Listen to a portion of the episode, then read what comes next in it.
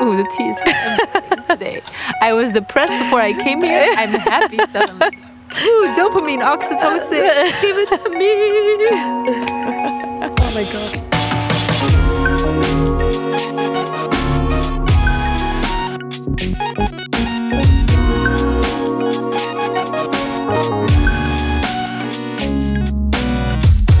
Hi besties. Hey, besties. Ik ben Anoushka. En ik ben koud hè? En je luistert naar een gloednieuwe aflevering van Bless the Mess, de podcast. Ehm, als je ons nog nooit hebt beluisterd, eh, of nog nooit hebt gehoord, wij maken telkens afleveringen over iets waar we ehm, iets over hebben geleerd door het zelf mee te maken.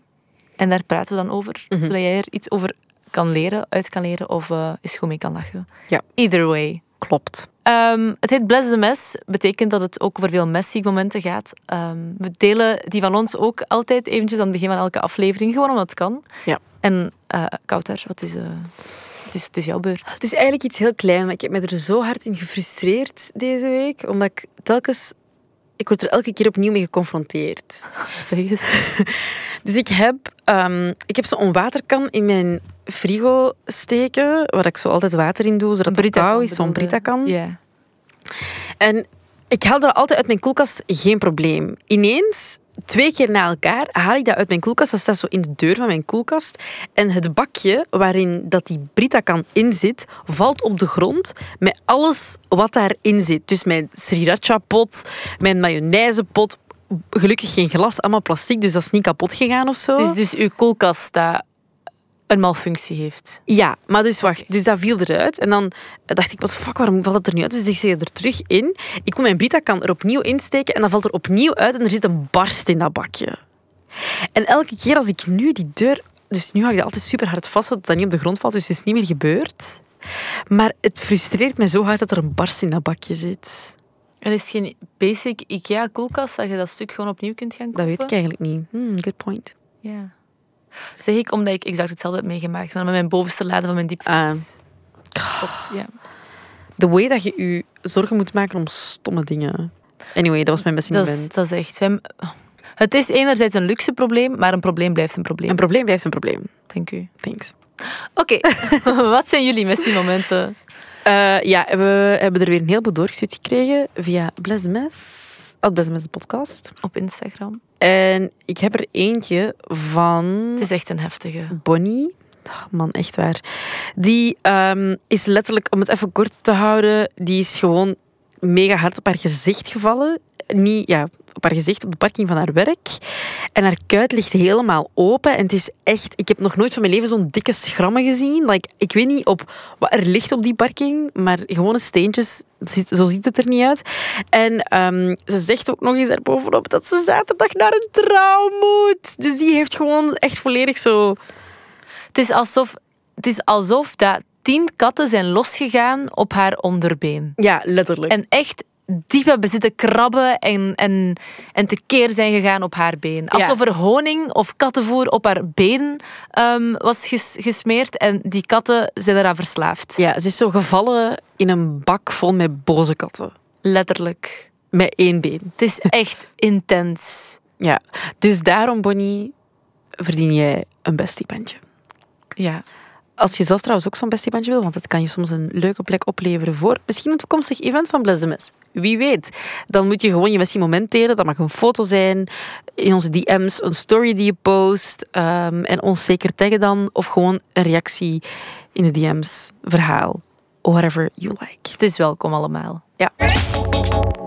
Ja, oké, dan gaan we over naar de orde van de dag. Yes. Eh, het is eh, alweer een suggestie van ehm, een bestie.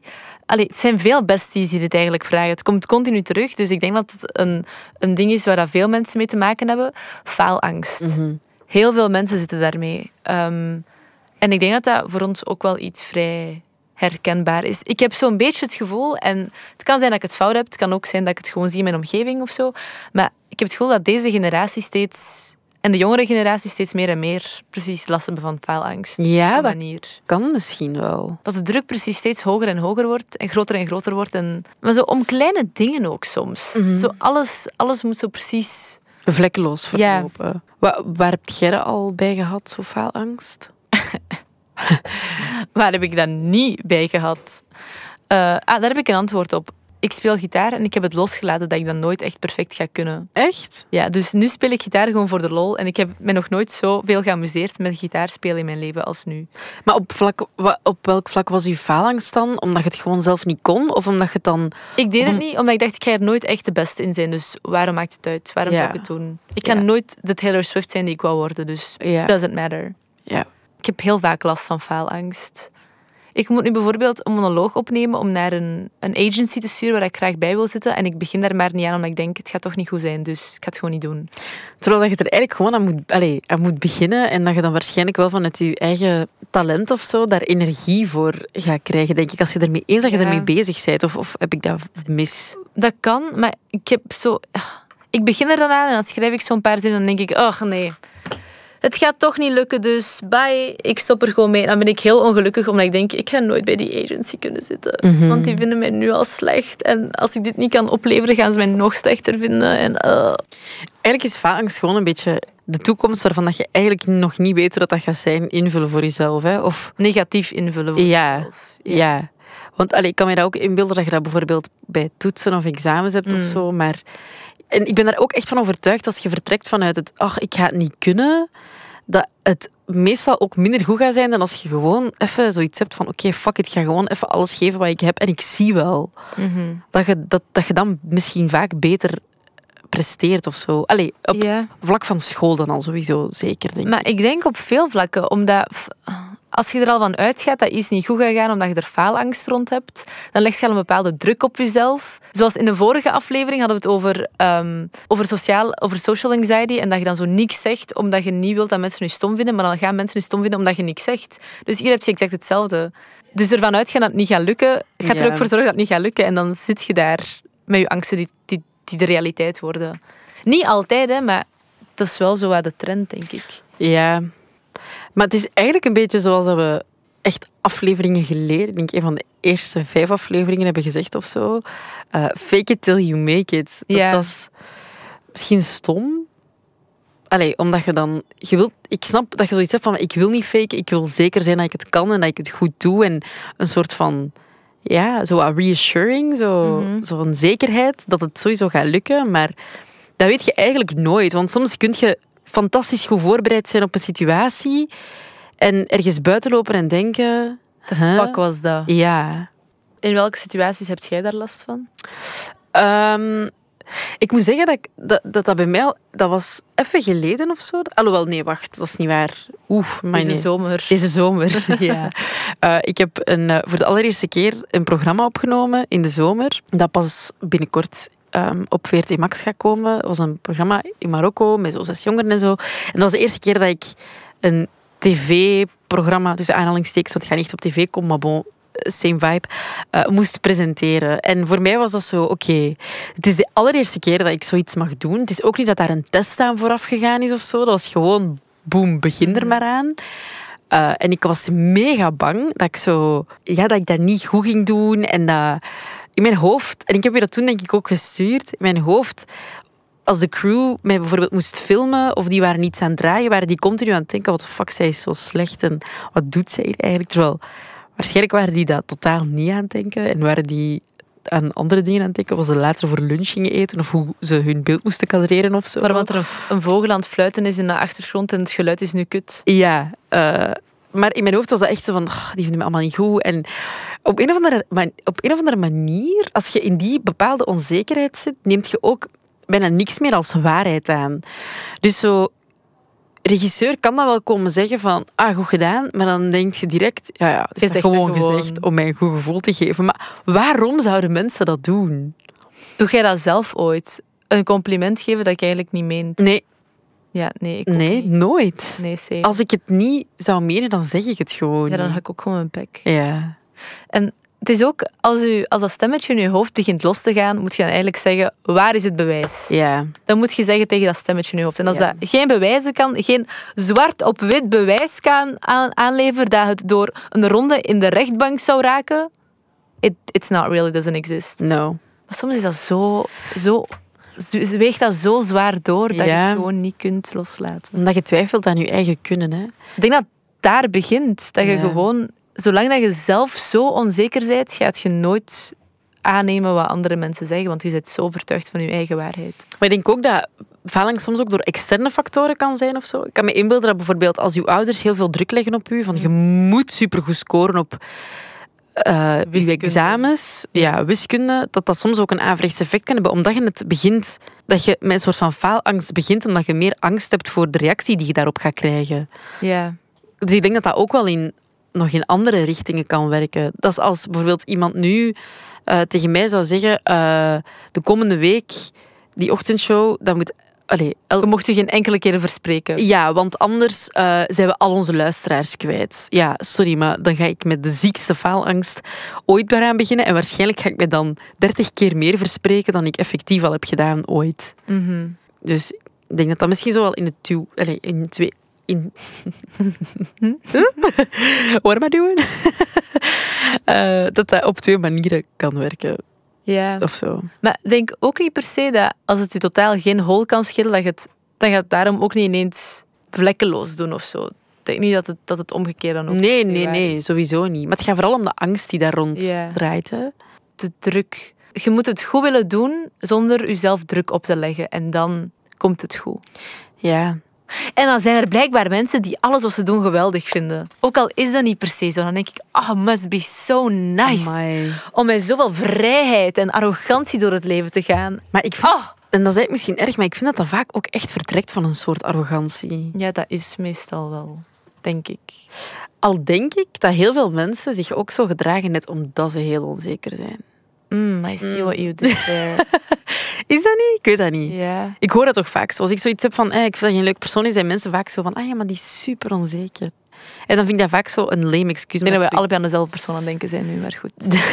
dan vind ik dat vaak zo'n lame excuus, omdat ik denk van, dat is echt letterlijk geen reden om een bitch te zijn. Ja. En geen reden, op die manier moet je je faalangst niet, niet laten zien aan andere mensen of Nee. zo. Maar wat is het verschil tussen arrogant zijn en zelfzeker zijn?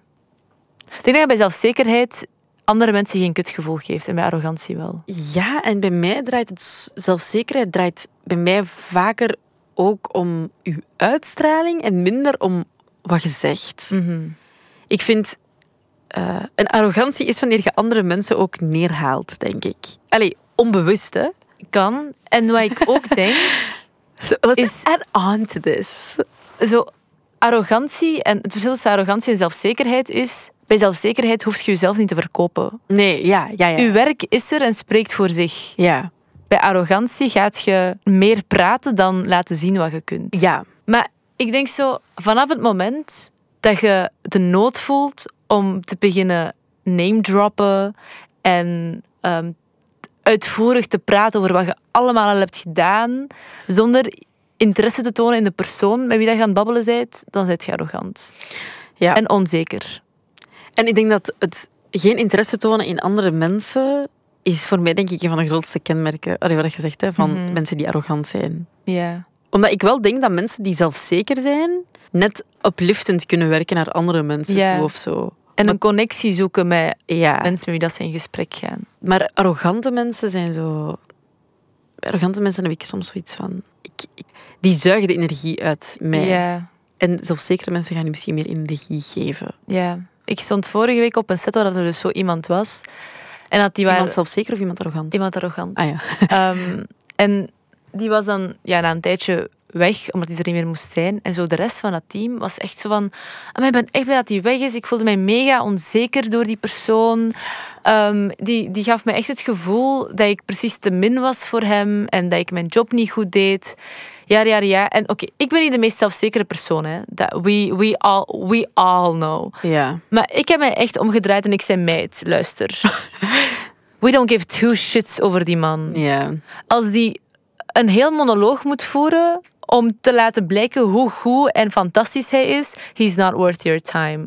Als iemand u slecht doet voelen, dan heeft dat niks te maken met u, maar alles met die persoon. Ja. Dus echt, alles wat hij heeft gezegd is er bij mij. Ik was selectief doof die dag.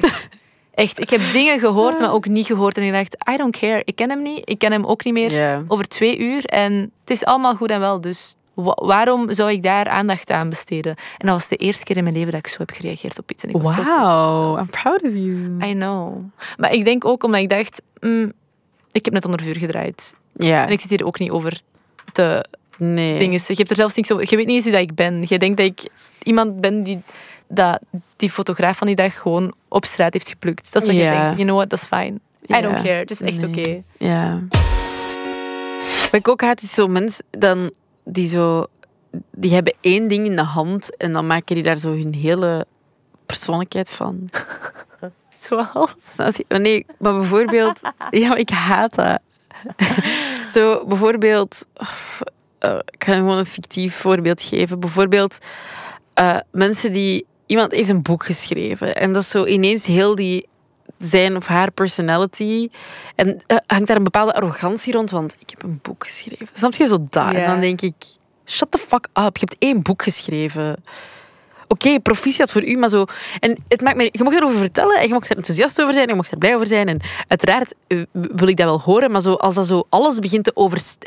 Als die zo in, in conversatie continu daarnaar verwijzen ook zo. Zo, dat je zo verhalen vertelt zit van ja, ik voel, ik voel mij echt niet zo goed en ik weet niet. ehm, allee, ik heb zo een dip. In mijn boek heb ik een hoofdstuk Ja. gewijd aan exact deze. Je moet dat maar eens lezen, dat gaat je echt helpen. up. Of zo, iemand die, eh, eh, iemand die eh, acteert of zo en die heeft zo één tiny mini-rol ooit ergens gespeeld, which is fine and I'm happy for you. En je mocht daar trots op zijn. Ja, je mocht dat op, je mocht erover vertellen en je mocht dat leuk vinden, maar maak daar niet heel je persoonlijkheid van. Ja. Dat is, En dat vind ik vaak ook heel arrogant, omdat ik dan denk, wat? ja. Haal eens... Allee, ik hoef daar niet continu over te praten. Praat ook gewoon over andere dingen. Ja. Dat is toch niet... Ik heb zoveel kleine rolletjes gespeeld. Ik vermeld die letterlijk nergens, omdat ik denk, ik was letterlijk de zesde boom van rechts. Who cares? Maar, en dan, je moogt dat voor... Ik heb eens gezegd op een, op een auditie. Ik moest mezelf zo- ik moest zo'n instructievideo, eh, een, een, een introductievideo opnemen. En die casting director zegt: ehm, eh, Ja, en wat heb je gespeeld? Ik zeg: "Eh, Ja, hoofdzakelijk eh, in Lisa. En zo nog wat andere kleine dingetjes, maar die maken echt niet uit. Ah, waarom niet? Ah ja, ik weet niet, ik was zo de zesde, bo- de zesde boom van rechts. Je hebt daar niet echt veel aan. Moest het toch op. Maar, en dat is dan ook niet... Allee, je, dat, je mocht erover vertellen, maar ik bedoel, pak nu dat dat, dat, je de- dat het enige is dat je de zesde boom van rechts bent en dat iemand bezig is bijvoorbeeld over ah, ik heb net een rol gespeeld in een emotionele film of comedy of zo, dat je continu terug herleidt naar jij die de zesde boom van rechts bent geweest en hoe intens dat, dat was. Je? Dat zijn de soort mensen waar ik over praat. Hoe intens Ja, maar zo mensen... opstaan om vier uur. Ja, maar zo mensen bestaan. Ik heb de trein genomen. Letterlijk, wat jij nu zegt, was... Oh, ik ga dat straks vertellen. I can't talk. Ik kan Ik- het niet vertellen. Oké. Oeh, the tea is hot today. I was depressed before I came here. I'm happy suddenly. Oeh, dopamine, oxytocin. Give it to me. Voor al die besties die ontvroeg, ontvroeg om over faalangst te praten en die dan dachten dat ze er alleen mee zaten. Het is dus duidelijk niet zo. Hè. Wij twee sowieso al. Ehm, al die besties, al die andere mensen die ons hebben gevraagd om erover te praten, dat zijn wel minstens met 50 volgens mij. Mhm. En eh, als we een statistische steekproef zouden nemen van heel de bevolking, gaat zeker de helft er ook wel mee, mee struggelen, denk ik. Dus ehm, doe gewoon mensen. Ja. Doe gewoon. Zet niet zoveel druk op jezelf. Maar de pot verwijt de ketel hier. Dus weet je, it's the blind leading the blind. It's fine. We don't know either. Bedankt om te luisteren naar deze aflevering. We horen jou graag volgende week. En vergeet niet om jouw ding te delen via Pleasantness de podcast op Instagram om een bestiebandje te winnen. Tot volgende week.